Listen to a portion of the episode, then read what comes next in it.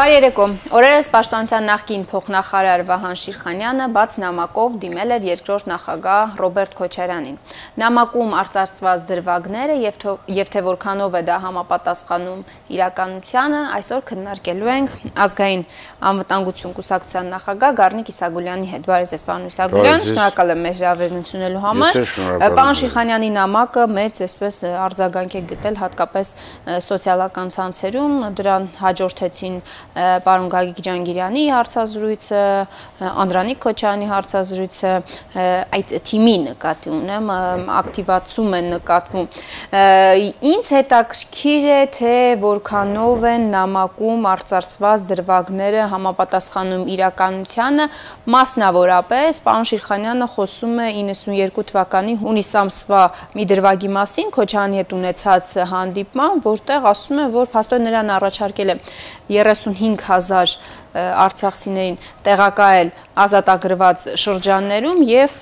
Քոչարյանը հրաժարվել է դրանից եւ ասում է, որ մտա իր մոտ, ասացի դու անասուն ես, բռունցքները ցեղանին գլուխը կախ, ոչինչ չկարողացավ պատասխանել։ Ագնեսա ջան Ասում է գուցե դա քո անթակույց ատելության դրսևորումն էր դաշտային արցախցիների նկատմամբ։ Ագրեսա ջան, դու ճիշտ ասած երեք ինձ այդ նույն հարցել տարբեր թղթակիցներ ուղղել են այդ բարերը, հա, որ աննասուն ես ինչ ես անում, ապշած էի։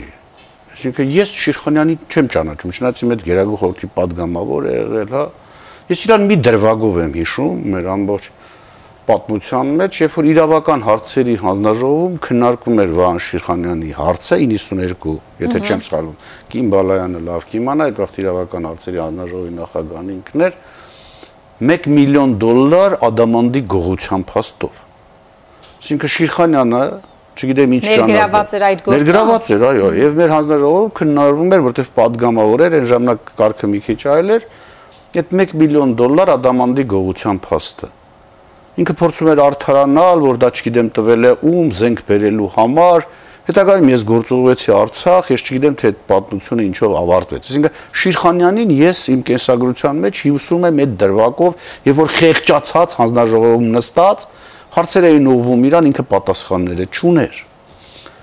Եվ երբ որ մարդը, որ Այդ գործը ջրվեց գնաց։ Ես չգիտեմ, ես դա հետո Կին Բալայանը, որտեղ ինքն էր հանձնաժողովի նախագահ, ես հետո գործողվեցի մի 20 օրով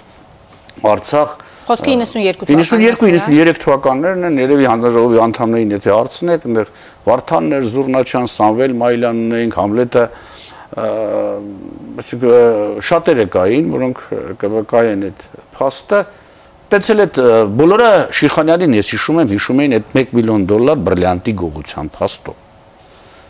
Պատկերացեք 92 թվական Ստեփանակերտ, հա Այո։ Իր ասելով 35000 փախստական այդ որտեղ է տեղավորել, երբ որ դե մարզադաշտը 10000 տեղանոց է, չգիտեմ կարող ասի դաշտում Ստեփանակերտի հրաապարակը եւ մարզադաշտը ասում։ Չի տակիրել 92 թվական։ Եվ ինքը որտեղ է մտել, ուրեմն Քոչյանը ժամանակ որտեղ էր նստում։ Հետաքրիր ինքը գոնե դա գիտի, որտեղ էր նստում Քոչյանը։ Ու պատկերացնում եմ այդ տողերը, չգիտեմ ինքն է գրել, թե թելադրել են գրել է, թե ինքն է թելադրել ինչ որ մեկը, երբ որ ասում է ես ասեցի անասուն ես ինչ ես անում ես պատկերացնում եմ այդ գրելու պահը պատկերացրեք Շիրխանյանը կողքերն է նայ որ Քոչանի նկարը որևէ տեղ կախված չի որտեղ Շիրխանյան դու ով ես եղել 92 թվականի որ Ստեփանակերտու պատերազմը ղեկավարող անձի սենյակ ես մտել ես չգիտեմ դու գիտես Քոչյանը որտեղ էր նստում թե չէ որտեղ գիտեք կար Գերագույն խորհրդի պաշտոնակատար նա որտեղ էր նստում, ասին Քոչյանը, եւ հանկարծ այդ բարերը ասել ես, ու հետո շվշվացնելով եկել հասել ես Երևան, հա։ Հետաքրիր օրինակ Շիրխանյանը թող այդ դրվագները պատմի էլի, կամ գրելուց ինքը պատերին նայել է, Քոչարյանի նկարը չկա։ Գիտեք, հիմա երբ որ Քոչարյանը կալանավորված է, երբ որ Սերժ Սարգսյանը, ասենք, չի խոսում այս պարագայում հասկանալի պատճառներով, Վազգեն Սարգսյանը լուսահոգի է մահացած է եւ հետաքրիր երևույթներ են տեղի ունենում մեր իրականության մեջ։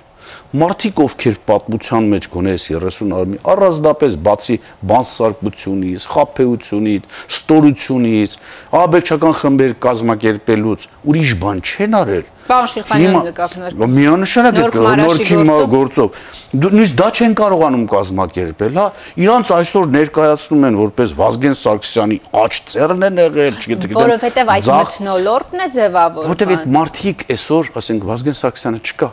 չի կարող ասի այ Վազգեն Սարգսյանի հետ բավականին երկխոսություններ էր այդտեղ հրապարակել ես էլ գիտեք հիմա ինչ ուզենամ կարող եմ Վազգեն Սարգսյանի հետ խոսել է ասել է այս ինչ արեցինք Քոչարյանին վերելով, այդպիսի դրվագներ կան նամակում եւ ոչ միայն։ Նորից եմ կրկնում, ախր բոլորը գիտեն։ Հիմա ես չեմ ուզում շատ բաներ բացել, փագագծեր։ Մի մարդ կա այսօր, որ կարող է Վազգեն Սարգսյանի անունից ինչ որ բան ասել որ անչափ մտերիմ է եղել իր հետ, որի հետ միշտ ասենք Վազգենը կիսվել է։ Դա Համբարձումյան Հակոբն է, հա, իր կամ Համարզ ասեն կամ Թիգնազորի պետ իրականում Հակոբն է միշտ որ եղել Վազգենին էլ նաև նման է շատ հարցում միշտ օրինակ մարդիկ ոնց են ում հետ են շատ կիսվում, ում հետ են շատ շփվում, ում են ավելի անկեղծանում Ընդորում միակ մարդը Հակոբն է, որ կարող է ասել գնացել ենք մեր տուն, պարկել ենք խալուն, միասին հաց ենք կերել, հոտել ենք մամա, հետո գնացել ենք Գոհար Մայրիկի մոտ, Գրետա Մայրիկի մոտ եւ այլ եւ այլ, այսինքն։ Ախր բոլորը գիտեն, որ հատկապես այդ մարդիկ ում անունները տվեցիք, նրանք Երբ որ Վազգենը արդեն վարչապետ էր, Վազգենին առել էին օղակի մեջ, թույլ չէին տալի, որ որևէ մեկի հետ նա շփվեր, չնայած Վազգենը ճեղքում էր այդ օղակը։ Կարողանում էր, բայց շատ կարևոր ինֆորմացիաներ, որ պետք է հասնեին ուրեմն Վազգենին իրանք օղակի թույլ, իրանք բացի այդ գործնեությունը նույնիսկ կրկնում են բարերը, որ հետագայում նա ինձ մաս-մաս կարդում են, թե Շիրխանյանը ինչեր է արել։ Տեր Աստված, ով էր Շիրխանյանը։ Բացի այն, որ ասում են բանսարկու է եղել, իսկ իա սովորելու տեղը Թուրքմենստան եւ այլ Այդ բանսարկության մասով նաեւ անդրադարձել է Ռոբերտ Քոչարյանը իր գրքում եւ պարոն Շիրխանյանը դրան էլ է դրան հակառակվելով գրել է որ եթե ես բանսարկու էի ինձ երկու անգամ ինչու վերանշանակեցի Շատ པարզ պատճառով այդ ժամանակ հիշում եք իշ մտնորդել Արամ Զավենի Սարգսյանը նշանակվեց վարչապետ եւ ցավոք սրտի մարդ որը քաղաքականության մեջ փորձառություն չուներ, իրանք փոխանակ օգնեին իրանց ընկերոջ, հա, որտեվ ում որ Արամ Զավենի Սարգսյանը ներկայացնում էր, նախագահ Քոչարյանը նշանակում էր մի իրավիճակ էր Հայաստանում, որ տեսեք գործը պատահական չի, որ Ջահանգիրյաններ քննում, ավելի չթեժացնելու վիճակ ավելի չլարելու մարդկանց հնարավորություն տանելու, որ եթե ունեն ինչ որ կասկածներ, թող այդ կասկածները իրանք իրար մեջ բարատեն։ Գիտեք, ամբողջ ողբերգություններն է, որ Արամն էլ ես զարմանում եմ, իսկ ուզենայի որ եւ Արամը եւ Արմենը հարգելով իրանց աղբոր պատիվը Վազգեն Սարգսյանի պատիվ գրեսորերին անկեղծ լինեն, նազնիվ լինեն։ Նկարա մասի որ իրան ոնց էր Լևոն Տեր-Պետրոսյանը կանչում համոզում մի գնա մի աշխատի քոչը ամեն ինչ պետք անենք որ այս ամեն ինչը բարդվի Քոչարյանի վրա, որ Ջանգիրյանը որ նշանակվեց այդ գործով հիմնական վարող ինչ էր անում, ինչու օրինակ հենց նույն Շիրխանյանը, հա, չէ որ այդ հոկտեմբերի 27-ի գործով ինքը Նաիրի Բադալյանի հետ շփվել է, չէ։ Ինչու ինքը մինչև կառավարության անդամների ազգային ժողով գալը եղել է ազգային ժողովում։ Հետո աշճանների վրա Նաիրի Բադալյանի հետ ինչ-որ բաներ են փոխանակել։ Ինքը ինչու է հետ գնացել կառավարության անդամներ, Վազգենի աչթևը։ Այդ ո՞նց է կառավարության հարց ու պատասխանի ժամանակ ինքը անկարծ չկա։ Բայց այդ ընթացքում դրսում աշճանների վրա շփվում է Նաիրի Բադալյանի հետ։ Ինչ էր անում ինքը։ Ինչու Ջահանգիրյանը այս էպիզոդները մանրամասը չքննեց։ Ջահանգիրյանը խոսել էր Նայիրի Հունանյանի, որ Ես Նայիրի Բադալյանի մասն եմ խոսում։ Ես հասկանում եմ, ես հասկանում եմ, բայց իրենք իրենց երեք պարոն Շիխանյանի բաց նամակում եւ Գայգ Ջանգիրյանի եւ Անդրանիկ Քոչարյանի հարցազրույցներում այդ կարմիր թելի նման գնում է Այսինքն ցուցակի են մարդիկ ովքեր ցուցակ էին գրել երբ որ դեռ Վազգենի դիակը տակ էր ազգային ժողովում արդեն վարչապետ օրինակ պարոն Շիխանյան ասում է ինչու 13 ժամ ուշ եկար Որտեվ 13 ժամ զբաղված էիք դուք նրանով որ ցուցակ էիք գրում արդեն Վախենում էիր որ Վազգենի թիմը քեզ կոչնչացնի Ով էր Վազգեն ինքն էր Վազգենի թիմը Ինքը գոնե ինչու Հակոբ Համբարձումյանի անունը տվեցի Համբարձումյան Հակոբի։ Որտեւ ասեք, այդ որ ասում է Ամերիկայից այնտեղ ինձ դրվագն է, ես ինքս չեմ կարդաց այդ դրվագ։ Այո, որտեվ Քիսինջերի այդ հանդիպումից հետո իրան ցուցակ էր տրվել կոռուպցիոներների, որոնց առաջի համարը ինքը Շիրխանյան Վահանն էր։ Որպես վարչապետ։ Որպես փոխվարչապետ։ Այդ վաղ չգիտեմ, ենթակառուցվածքները համակարգող նախարար էր ինչ էր որպես հիմնական կոռուպցիոներ Վազգենին ցուցակ էր տրված, որ այս մարդկանցից պիտի ազատվեն։ Ջանգիրյանը գլխավոր դատախազ, Ջանգիրյանը այդ վաղ չգիտեմ ինչ դատախազ էր, զինվորականն էր, որն էր։ Այս ցուցակի պետք է Հա, գլխավոր այդ դատախազ ցուցակն է լիներ։ կասում, Այո, դե վարչապետ պիտի գնար պարոն Շիրխանյանը, փոխվարչապետ եթե չեմ սխալվում Անդրանիկ Քոչարյանը, գլխավոր դատախազ Ջանգիրյանը։ Ջանգիրյան, այսօր տեն ցուցակ իրեն որում Շիրխանյանի ձեռով գրած, այդ ժամանակը ներկայացնում էին ուրեմն առանց ամաչելու երկրի նախագահին, չգիտեմ այսօրվա ասելով հիմնական մեղավորին, որ պաշտոններ ստանան։ Այդ ինչու այդ նախագահի պաշտոնը այդ չէին։ ցուցակին էլ է անդրադարձել եւ ասում է այդ ցուցակը 18 տարի դարձրել ես դրոշ առանց հասկանալու որ այդ ցուցակով դու չես կարող արդարանալ ոչ էլ 27-ում քո անմեղությունը ապացուցել Այդ ցուցակը հենց ոչ միայն անմեղության, այլ ովքեր են հիմնական մեղավորները հոկտեմբերի 27-ի։ Ընդ որում կարմիր գրիչով չգիտես ինչու են գրել էլի, հատկապես շեշտելով որ արյունոտ է իրանց ձեռքերը։ Չի կարելի, հասկանում եք, հիմա մի վիճակ է, ցավոք սրտի սրան նպաստում են նաև այն մտնորդը, որ ձևավորված է Հայաստանում, հա։ Եվ այն իրավիճակը, որ այսօր արկա է։ Նույնիսկ եմ կրկնում, տեսեք, հիմնական դերակատարները, այս մեր այս վերջին շրջանի պատմության կերտող Վազգեն Սարգսյան լուսահոգի է չկա։ Ռոբերտ Քոչարյան կալանավորված է։ Սերժ Սարգսյան հայտնի իրավիճակ է հիմա եւ ցավոք սրտի եւ իշխանություններին այսօր հաջողանալու է տենդը խո- խոսելու ու իրենց հերթն է եկել պարոն Իսագուլյան այդպես է ստացվում ամեն ինչ դրվելու է իրանց տեղը, գիտեք։ Ես չեմ կարծում, որ իրանք այդ մեթոդով հիմա ով ինչ մեղք ունի, Բայց համաձայնեք, եկել է մի ժամանակ, որ իրանց բավականին մեղքը կարող են են։ բարթել ուրիշների վրա։ Հիմա քանի որ կա հիմնական թիրախը, իրանց թվում է, որ իրանք ինչ մեղքեր ունեն հոկտեմբերի 27 մարտի 1-ն էլ է իրանց վրա այդ սա իրանց վրա է իրանք ուրեմն սա առիթ է որ բարթեն ինչ որ մեկի վրա որը թվում է թե այսօր ամեն ինչի մեղավորն է հասկանում եք իրանք մեղադրում են Քոչարյանին երևի Բաբելոնը կործանելու, Կարտագենը կործանելու մեջ, բայց հանկարծ այդ մարդուն, որին տենց մեծ մեծ մեղքերի մեջ մեղադրում են, Ստեփանակերտում 91 այդ մի նախադասությունը կարդալուց հետո այլևս Շիրխանյանին որպես մարդ, որը ձեռնասու է, չգիտեմ ինչ ասեմ, ոնց են ասում ընդ ուղեղը աշխատում է եւ կարող է ինչ որ բան ասել, լուրջ ընդունել անիմաստ։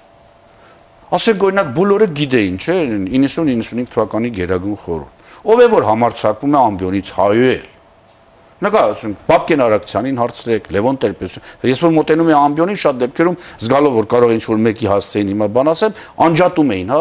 հրանգերելում։ Պապկեն Արաքցյանից անջատել միկրոֆոնը, որտեղ գիտեի, ես հրաապարակից հայոյում եի, դրա մասին գիտեն։ 7 անգամ կանգնել եմ դատարանի առաջ մենակ, բայց ասեք Շիրխանյան, դու Ստեփանակերտում Այդ նախադասությունը կարդալուց հետո այլևս Շիրխանյանին լուրջ մարդու տեղ դնելը անիմաստ է։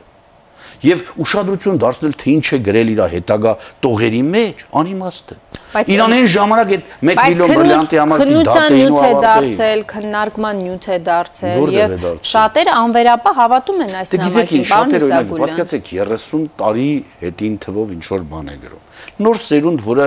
ոչինչ չգիտի ցավոք սրտի։ Նոր սերունդ, որին կերակրում Եվ են հակված է հավատալ այս Չէ, չէ, նամակին։ որտեվ ինքը ոչինչ չգիտի։ Եվ այն մարդիկ, ովքեր որ պիտի խոսան, գիտեք, արդեն տարիք է ասում են ախպեր, մեր մենք չխառնվենք այս խնդիրներին։ Մարդիկ, ովքեր ականատես են, արդեն երեխեքը, բայց ինչ որ տեղեր են աշխատում, որ իրանք, ասենք, փոխնախարարներ են, դատավորներ են, մտածում են, «Ա, ինչ գործում եմ այս նեղ պահին մի բան ասեմ, հանկարծ պարոն Փաշինյանի դուրը չգա, երեխեքս աշխատում են, թող շարունակեն աշխատել։ Հասկանում, ստեղծվել է մի մտնոլորտ, որտեղ ամեն մի արարած իրան իրավունք է վերապահում, ինչ ուզես գրի, եւ քանի որ հակադարձումը չկա, մարդկանց թվում է թե իրանք ճշմարտությունն են գրում։ Արամ Զավենի Սարգսյան, չէ որ իմ ընդհատակից գրված Վազգենին երկու նամակների կոպիաները կոմոտ են, չէ։ Հրաապարակի դրանք։ Ընդհատակից այն ժամանակ գրված 94, 95, 96 թվերի։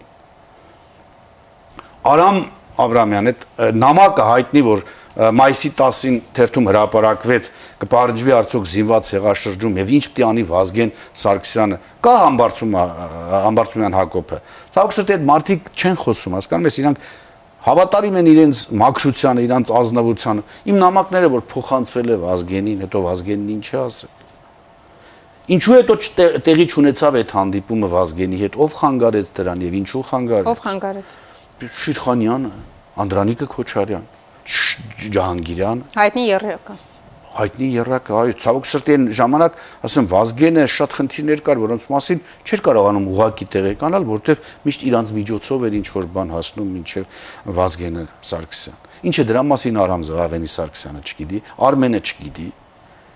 Մի թույլ տվեք ձեր եղբոր անունը, լուսահոգի Վազգեն Սարգսյանի անունը, այս կերպ իբր թե խոսակցություններ են ունեցել, իբր թե Վազգենը, Վազգենը կեղծել է ընտրությունները։ Պանի Սագուլյանը, ինչու նախկինում այսքան չէ շոշափվում Վազգեն Սարգսյանի անունը։ Հիմա ամեն երկրորդը իրեն իրավունք է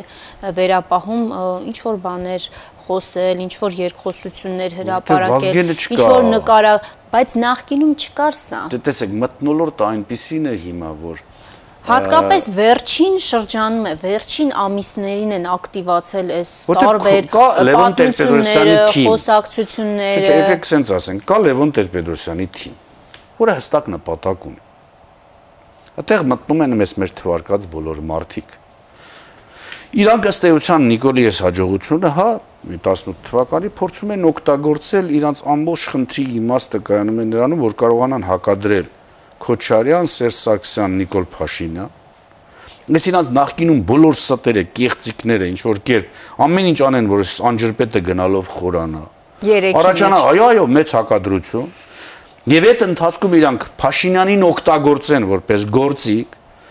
չեզոքացնելու այս թևը։ Իրանք հետագայում շատ հանգիստ, որտեվ եւ հիմքում եւ ամենտեղ ստեղծել են մի վիճակ, Նիկոլը ողջվելու է, որ մնում է մենակ։ Գմեկոսացնել նաեւ Նիկոլին Եվ այդ կեղծիքի ու ստի վրա իրանք իրանց ամբողջ մեղքերը արդեն բարթած ուրիշների վրա գալու են իշխանության ու իրականացնեն Լևոնի ծրագիրը։ Արցախը հանձնելու եւ Հայաստանը ինչ որ մեկի վասալը դարձնելու։ Սա Լևոն Տեր-Պետրոսյան, ես միշտ խուսափել եմ նախագահների հասցեին, իրանց թիմի հասցեին ինչ որ բան ասել, բայց կյանքը սա է ցույց տալի։ Եվ հիմա ինչ մենք բոլորս, նրանք ովքեր գոնե ինչ որ ճշմարտություններ գիտեն, ովքեր այդ օրերին աշխատել են, Գոնե որևէ 100 անգամ գրում եմ, հիմա տեսեք, իմ մեքենան հիմա եթե, հա, միացնես շարժիչը ու առանց վարորդի թողնես ինքը գնա Արցախ, համապատասխան տեղեր, ականջին մի երկու բան ասես։ Ինքը ասում է 100 անգամներ այդ տեղերում եղել է Շիրխանյանը։ Ես առաջարկում եմ մի հատ բան,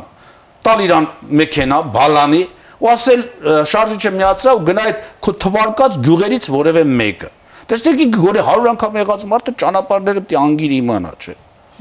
Կամ ինքը պատասխանի այդ օրը, որ ինքը մտավ Քոչարյանի մոտ, Քոչարյանը որ կաբինետում էր նստած, որտեղ, օրինակ, որ շենքում, որ կաբինետում եւ ով էր ընդունարանում։ Դրանով չի կարելի, հա, այն որ բանսարկուս ստախոս այդ որ այդ նոր մարաշ խմբի առիթով բռնված էր, նո չէ հիվանդ էր, կալյասկով էին բերում, բան, խիղճ տղային։ Հիմա ողքեվորվել է, բարձր շատ առողջ է եղել, իսկ ընդ աղվեսություն է արել։ Չի կարելի։ Մենք իրավունք չունենք սա թույլ տալու։ Ով պետք է թույլ չտա։ Փաշինյանը իրավունք չունի թույլ տալու, որ Իրան բերեն այդ վիճակին, որտեղ ըստ էության մարդիկ այսօր բացարձակ անկաշկաններ Բայց պարոն Փաշինյանի հարաբերություններն էլ լավ չեն, չէ՞, Սերժ Սարգսյանի եւ Ռոբերտ Քոչարյանի հետ, այսինքն այդ հարաբերությունների լավ ու վատ լինելն ավելի կարեւոր պետք է ծնվի, որ Հիմա Փաշինյանը հայտարարում է, որ իր ամբողջ անելիքը, ասելիքը իր գործի էությունը Հայաստանն ու Արցախը հզորացնել, ուժեղացնել, անկախացնել, չէ։ Եթե ինքը անձնական հարաբերությունների զոհասեղանին պիտի դնի Հայաստանի ու Արցախի ճակատագիրը, այդ դեպքում ինչքան շուտ ազատվենք պարոն Փաշինյանից, այնքան լավ։ Իսկ եթե ինքը իսկապես այն նպատակները, որոնք ինքը հիմա առաջ է քաշում, դրանց կրողն է, ուրեմն ինքը պիտի հասկանա, թե ովքեր է սպարագայում ինչից են ուզում օգտվել եւ ոնց։ Եվ ոնց են ուզում ուրիշի ձեռքերով այդ պարագայում իրա ձեռքերով կրակի շականակներ հանել։ Հմ։ Որտեւ հիմա տեսեք ապրիլի 7-ին Ստեփանակերտի եկեղեցու բացման արարողությունն է։ Ինձ օրինակ հետաքրքիր ովքեր են այնտեղ մասնակցելու այդ եկեղեցու արարողության բացմանը։ Նեղ չի լինելու Ռոբերտ Քոչարյանը, չի լինելու Սերժ Սարգսյանը, չի լինելու Արկադի Ղուկասյանը, Լևոն Տեր-Պետրոսյանը, Բակո Սահակյանը, ինքը Փաշինյանը հետաքրիր է եթե այդ բոլորը գնան առանց Քոչարյանի մարդ որի ժամանակ այդ ամեն ինչը նախագծվել է ըստ էության ճիշտ է հետո Ղուկասյանի ժամանակ հետո Բակո Սահակյանի ժամանակ կառուցվել է բայց պատկերացնում եք հասարակությունը ունեք այնց Պարքև Սրբազանը կամ Վեհապար Այրապետը իրանց ոնց են զգալու Այսինքն հիմա Փաշինյանը չի հասկանում, որ իրան հենց այդ ստերը կերակրելով վերել հանգեցրել են մի վիճակի, որը իր համար ծուղակ է։ Փաշինյանը Վազգեն Սարգսյանի 60-ամյակի ինչու չշնորհավորեց։ Դա իրանց ուղերձել չեղավ, պարոն Իսագուլյան։ Ես չգիտեմ, դա իրանց ներքին գործն է, իրանց ներքին խնդիրն է, բայց նույնպես եմ կրկնում, կան մարդիկ, ովքեր գիտեն ճշմարտությունները։ Ես եղել եմ այդ ժամանակ Գերագույն խորհրդի падգամավոր, ղեկավարել եմ դաշնակցական ֆրակցիան։ Ես բոլորը գիտեն, այդ կարելի ան բան հարց, որ մարդ, որը ըստ էության Ստեփանակերտից համարյա Ղարաբաղից Արցախից Երևան շատ քիչ էր գալի նիստերին մասնակցելու հա ճիշտ է, մեր Տիգրանը Քյուրեղյան, Ռաֆիկը Ղազինյան, շատ շատերը կային, Սամվելը Շահմուրադյան, ժամանակին որ շատ հաճախ գնում էին, մեր Արցախի падգամավորները, բայց այսօր պարզապես Շիրխանյան ամեն օր ընդեղ է եղել։ Ինչ է նշանակում։ Դու ասում ես, որ վերադառնում ես քաղաքականություն, գալիս ես մեղրին, թուրքերին հանձնելու, ազատագրված հողերը նախկին շեֆերիդ հանձնելու Ախր այդ ներողություն եմ խնդրում, ես չեմ ուզում վատ բառեր, չէ, վատ բառեր չեմ ուզում օգտագործել, այդ մեղրի տարբերակը ես զարմանում եմ, գիտեք։ Շատ է շահ։ Որևէ մեկը դա ոչ տեսել է, ոչ լսել է, ոչ էլ նման բան եղել է։ Եթե ի նկատի ունեն QS-ը կամ Gobble, ախր դա ինչ կապ ունի Քոչարյանի հետ։ Ախր այ տխմար ասեմ, շատ թեթև է, կոպիտ ասեմ, կստացվի ես մամուլը օգտագործում եմ իրանց նման լեքսիկոն օգտագործելու համար։ Չնայած ես բոլորը ինձ որպես հայողներ, հայող գիտեն, Արամ Աբրամյանին հարցրեք ինքը Վանաձորից սկսած մինչև մեր օրերը կպատմի առավոտի գլխավոր խմբագիրը։ Բայց լսեք ամոթ ունեցեք, էլի։ Մարդիկ կան, որ այսօր երբ որ ասելիք չունեն, երբ որ իրանք այն ժամանակ ոչ մի դերակատարում չեն ունեցել։ Այսօր ուզում են ցույց տան, որ իրանք այնց գաղտիկներ գիտեն։ Քոչարյանը մեղրին տալիս էր այդ տխմարներ։ Ախր տարածք տալը ոնց էր որոշվում մեր սահմանադրությամբ։ Գոնե տեղյակ են, տեղյան չէ։ Այս Քոչարյանը վերցնում էր ու ինչ մեղրին հանձնում էր, ոնց էր հանձնում։ Այսինքն կամ իրանք այդքան ուրեմն բան թույլ ենել է բանը Վազգեն Սարգսյան ընդհանրապես ես չգիտեմ այդ ում ժամանակ են էլի ուզեցել տալ մեկը մի սուտ ասում է հետագայում այդ սուտը ալիքաձև տարածում է Հայաստանով մեկ ու երբ որ դրան չես հակադրում ստացվում է ճշմարտ օրինակ ինձ այս երկու օրը մոտենում են ասում են դե լավ Իսագուլյան ինչի ես խառնվում այ Սերժ Սարգսյանի ժամանակ քո ինստիտուտը փակեցին, քեզ գործից հանեցին եւ այլը եւ այլը, կնոջդ գործի։ Այ դու ա դուք մի բան չեք կարողանում հասկանալ, որ անձնական փոխհարաբերությունները լրիվ ուրիշ բաներ են։ Բայց այսօր անձնական հարաբերություններն են, չէ՞ իշխում, պարոն Իսակոյան։ Դուք շատ ունեք, մինչև Սերժ Սարգսյան դառնաք։ Դուք չեք էլ կարող երբևէ ոչ Սերժ Սարգսյան, ոչ Ռոբերտ Քոչարյան դառնալ։ Չեք կարող։ Դուք տենց ծառայություն մատուցելու շանս պատմությունը ձեզ չի տվել, չի էլ տա։ Հիմա դուք ո՞նց եք կարողանում առանց ամոթի նայելով հասարակության աչքերին սենց ստեր գրել։ Շիրխարյան, դու գիտես, որ ամբողջ կյանքդ ստի մեջ է անցել։ Ով ով շատ շատերը նույնիսկ քո շրջապատում դա գիտեն։ Մյուս իրան ձայնակցողները գոնե թող մադաղիսի դեպքերը հիշեն, զինվորները ոնց է զոհված զինվորները հետո բարձ ինքնասպան է։ Չէ որ այն ժամանակ եթե թողնեին այդ ծնողները Ջահանգիրանին ուղակի փողոցում կգնդակահարեին։ Վատ են արել գուցե որ չեն թողել։ Բայց հիմա դուք այս իրավիճակից օգտվելով սազանդար եք դարել, սազերն առել ու սկսել եք երկել։ Այստեղ չկա նաև ներկա իշխանությունների մեղավորությունը, որովհետև իրենք փաստորեն քննության առարկա են դարձնում վերջին 20 տարիների պատմությունը բացառապես։ Օրինակ, պարոն Շիրխանյանը իր նամակում փաստորեն խոսում է 98 թվականի նաև ընտրությունների մասին, ասում է, որ դու քեզ նախագահ ինքնահռչակեցիր, պարոն Ջանգիրյանն է խոսել 98 թվականի ընտրությունների մասին, Անդրանիկ Քոչարյանն ասում է, որ բոլորը գիտեն, որ բոլորը գիտեն, հասկանում եք, խոսում են 98 թվականի մասին եւ որևէ մեկը ձայն չի անում 96 թվականի ընտրությունների մասին։ Չէ, որտեղ իրանք այն թիմի ներկայացուցիչներն են ջան։ Բայց այստեղ մեղավորության բաժին չունի նաև իշխանությունը, այսինքն ինչու է իշխանությունը մի կողմ քաշել եւ ականատես է լինում թե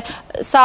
սա կասի նա նրան կհակադարձի եւ այդպես մի բան ստացվի էլի արդյունքում։ Ամենամեծ սխալն է որ իրան գործում են որտեվ իրանք հենվում են ինչի վրա տեսեք Նիկոլ Փաշինյանը իրականում ինքը իր թիմում իր անդամը չունի իր մարդը չունի իր թիմը չունի դրանք կամ նոր երիտասարդ մի սերունդ է առանց հասկանալու թե ինչ գաղափարներով է եկի ազգային ժողովը նայեք եւ կտեսնեք կառավարությունը նայեք եւ կտեսնեք եւ ունի խորհրդականների մի անտեսանելի զանգված, որոնք ամբողջությամբ Լևոն Տեր-Պետրոսյանի թիմի ներկայացուցիչներն են։ Եվ իրան թվում է, որ այս բախման մեջ այս բախման մեջ ինքը որպես արբիտր, ինքը որպես մարդ, որ տեսեք, ես ինքս կապ չունեմ առանձնապես, իրանք իրար հոշոտում են, բայց չի հասկանում, որ ինքը այն թիմի ձեռքին գործիք է հիմա։ Եվ երբ որ այս թիմի հետ իրա մտածելով հաշիվները կմաքրեն, իրա օգնությամբ, իր օժանդակությամբ, հետո անցնելու են իրար։ Ցավոք սրտի ինքը սա չի կամ չի գիտակցում, կամ չի տեսնում, կամ իրան թվում է թե խաղը ամբողջությամբ իր կառավարման տակ է գտնվում։ Ինքը չարաչար սխալվում է։ Նույն Շիրխանյանները տենց խմբեր, որ նոր կմարաշում ունեին, ուրիշ տեղեր էլ ունեն բայց իր օրոք նաև ասած, չէ՞ փաստորեն, այդպես է ստացվում, այո։ Նույնիսկ կրկնում, դա իրա քաղաքական փորձառություն չունենալն է, այս կարգի ինտրիգների մեջ չեղած լինելու պատճառն է։ Ինքը եթե ուզում է այսօր հայտնվել ոչ պարտվող կարգավիճակով են էլ սարսափելի, որ ես դուժելու է թե Արցախը, թե Հայաստանը, ինքը պետք է գիտակցի, որ իրա առաջ քաշած լոզունգները սիրո, համերաշխության, թավշյա եւ բարիկատները քանդելը, եթե ինքը այսօր դա չանի, վաղ ուշ է լինելու Միևնույն է, այս թիմը չի հաղթելու Լևոն Տեր-Պետրոսյանի։ Ջահանգիրանն ինչ էլ անի նույնն է, չի փոխվելու։ Շիրխանյանը չի փոխվելու։ Նրանք ոնց եղել են ժամանակին, հա, այսպես կոչված դեստրուկտիվ ուժերը տենց էլ մնալու են դեստրուկտիվ ուժեր։ Բայց ամեն դեպքում փորձ է արվում հոկտեմբերի 27-ը բարթել։ Գիտեք ինչ, հիմա ինչ ուզեն կարող են անել, բայց ասում եմ հոկտեմբերի 27-ի կազմակերպիչների անունը իրանց ձեռքով կարմիր գրիչով գրված է թղթի վրա։ Եվ եթե որևէ մեկը դրանում կասկածում է, որտեվ իրանք մտածում էին, որ գիտեք ինչ, հետաքրիր է ես կուզենայի Արամ Աբրամյանը դրան արձագանքել, որտեվ որ իրա թերթում այդ մայիսի 10-ին լավ հիշում եմ 99 թվականի լույս տեսավ կպանջվի արդյոք զինված ցեղաշրջում, երբ որ Վազգենն ասել էր, եթե Գառնիկը գիտի, որ սենց ավարտ կունենա, թափա թողասի թե ոնց, ուղիղ 10 օր 10-12 օր հետո նույն թերթում, առավոտ օրաթերթում ռուսերեն վերնագրով լապրարի վժնուժնի կամիսարի հոդվածն էր, որտեղ գրում էր, որ Վազգենը շատ արագ, եթե չազատվի իր շրջապատի այդ թիմից, այդ թիմը իրան կործանելու է։ Դա իմ գրած հոդվածներն են առավոտ օրաթերթում Արամ Աբրամյանից կարող եք խնդրել վերատպել ու նայել։ Այսինքն, երբ որ դու բարձ երևում էր, Վազգենը հայտնվել էր իրա ստեղծած թիմի ծուղակում նորից։ Այդ նույն թիմը, որ այն ժամանակ Վազգենին ծուղակը տարավ, ու տարավ հոկտեմբերի 27-ի, հիմա շրջափակել է Նիկոլին Նիկոլին էլ ընտանելու նույն իրավիճակի են բերելու։ Սրանք նույն ինչ նկատի ունեք։ Փորձելու են էլ իշխանությունը ինչ որ ձևով վերցնել։ Դա լինելու է մենակ Նիկոլ Փաշինյանից ազատվելու պարագայում։ Եթե Փաշինյանը սա չի հասկանում, մեր հատուկ ծառայություններն էս ուղությամբ չեն ուզում աշխատել ու հետևել թե ով որտեղ գիշերը ում հետ ինչ է խորթակցում, ապա մենք ծանր ապագա ենք ունենալու։ Շատ ծանր։ Եվ Շիրխանյաններն ու Ջահանգիրյանները տանելու են դրա։ Շատ է խոսվում, գոնե ես ականատես եմ լինում նման հայտարարությունների, որ Նիկոլ Փաշինյանի ֆիզիկական անվտանգությանը վտանգ է սպառնում։ Գիտեք, երբ որ Արտուր Վանեցյանը Եվ հայտնի կենտրոններ խոսքս Արտուր Վանեցյանի մասին չէ։ Հայտարարությունը որ անում էին, իրանք չգիտեմ ինչի դա արեցին եւ Փաշինյանը ինքը, բայց հավատացեք, որ այդ տարբեր կենտրոններից նման հայտարարություններ են գալիս։ Են ասում շատերը երևի པարզ տեսնում են թե ովքեր կարող են լինել են ուժերը նախորդ երկու իշխանությունների վրա։ Գիտեք ինչ, հավատացեք, մարդիկ չեն ճանաչում, հալա։ Տեսեք, երբ որ ինձ ասում են ինչու ես ասում եմ են խաղարկում, այսինքն պանի Սագուլյան։ Եվ Սարգսյանը գիտեք ամեն ինչ կարող էին անել այն իմաստով, որ երբեք չեն անցնի այն կարմիր գիծը, որը ընկերությունից հետո է որտեղ ոտնահարվելու է ինչ որ սրբություն չեն անցնելու, չէին անցնելու։ Դա վկա բոլոր են թվերը, որ իրանք ղեկավարել են Հայաստանի Հանրապետություն եւ 18 թիվը, երբ որ Սերժ Սարգսյանը առանց որևէ այլևայլության իշխանությունը շատ խաղաղ ու թավշյա փոխանցեց։ Որտեւ ինքը կարող էր չգնալ դրա։ Հավատացեք, ոչ մի սահմանադրական բան իրան չէր խանգարում կիրառել ուժ հենց դեռ քայլ լարշավը սկսելու օրերին։ Երբ որ ռադիոտունը գրավեցին դա արդեն հատուկ նշանակության օբյեկտ էր Ինչու չարեց։ Այդ հարցը շատ է հնչում բանից։ Չեն եղել, երբեք իրանք չեն եղել այն մարդիկ, ով ովքեր կարող են գնալ գործողության, որից ինչ որ մեկը կարող է դուրս 2008-ին այդ դեպքում մենք ինչի զոհեր ունեցանք, պարոն Իսագուլյան։ Ասում եմ կազմակերպիչները པարզ ովքեր են։ Եվ եթե չլեր Ռոբերտ Քոչարյան, Սերժ Սարգսյան, Ռոբերտ Քոչարյանի հստակ դիրքորոշումը եւ սանադական կարգի պահպանումը, մենք ոչ թե 10 զոհ կունենայինք, չի բացառում ունենայինք հազարավոր զոհեր։ Հազարավոր զոհեր։ Գիտեք, ասեք, ես չգիտեմ Շիրխանյանը երբեք օրինակ մարդկայնորեն Քոչարյանի, Սերժ Սարգսյանի սեղան նստած հացկեր ածկա։ Գիտեք, անկախ մեր անձնական փոխհարաբերություններից շատ պարագան էր նույնիսկ այս ժամանակ երբ ես 13 թվականին հրաժարական տվեցի մենք դրանից հետո շատ-շատ ենք հանդիպել դրանից հետո հենց Սերժ Սարգսյանի առաջարկն է եղել նաև Բակո Սահակյանի առաջարկը տեղափոխվել Արցախ աշխատանքի Որովհետև կրկնում այդ օրերին ես Ջանգիրանին հիշում եմ սպանություններ, հա, զինվորների, Մադաղիսի դեպքեր եւ այլ եւ այլ այդ կարգի Եվ որ ծնողները գալիս էին բողոքելու։ Շիրխանյանին այդ 1 միլիոն դոլար բրիլյանտի թալանի ժամանակ ու բանսարկում որովհետև միշտ ինձ պատմում էին որ ասենք թյուրիմացիոն հատկապես հոկտեմբերի 27-ից հետո որ Վազգեն Սարգսյանին հիմնականում իրանք են միշտ գցել թյուրիմացությունների մեջ տարբեր խնդիրներ։ Դե ցուցակի մասով էլ ասել է, որ այդ ցուցակում Վազգեն Սարգսյանի ամենամտերիմ մարդիկ են եւ պրոֆեսիոնալներ, այդպիսի ձևակերպում արել պարոն Շիրխանյանը։ Դե ինքը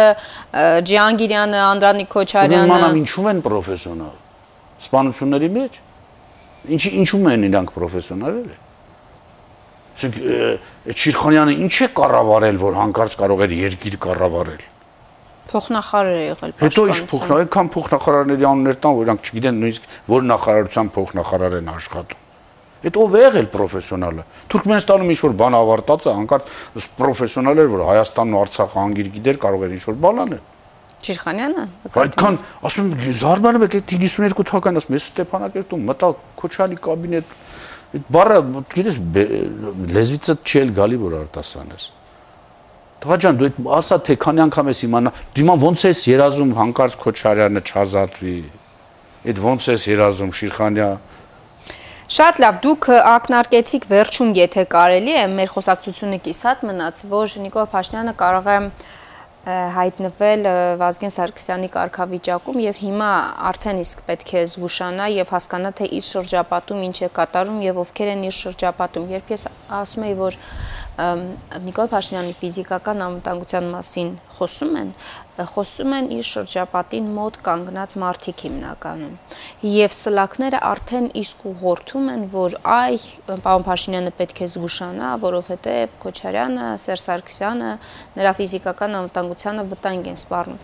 Այսինքն արդեն իսկ սցենար է խաղարկվում ինչ պետք է անի Նիկոլ Փաշինյանը, պարոն Իսագուլյան։ Ուրեմն տեսեք ինչ հետաքրիր երևույթ կա, էլի հերատեսություն, ինչ հերատեսություն պետք է ինքը ցուցաբերի։ Ամեն մի ոնց են ասում,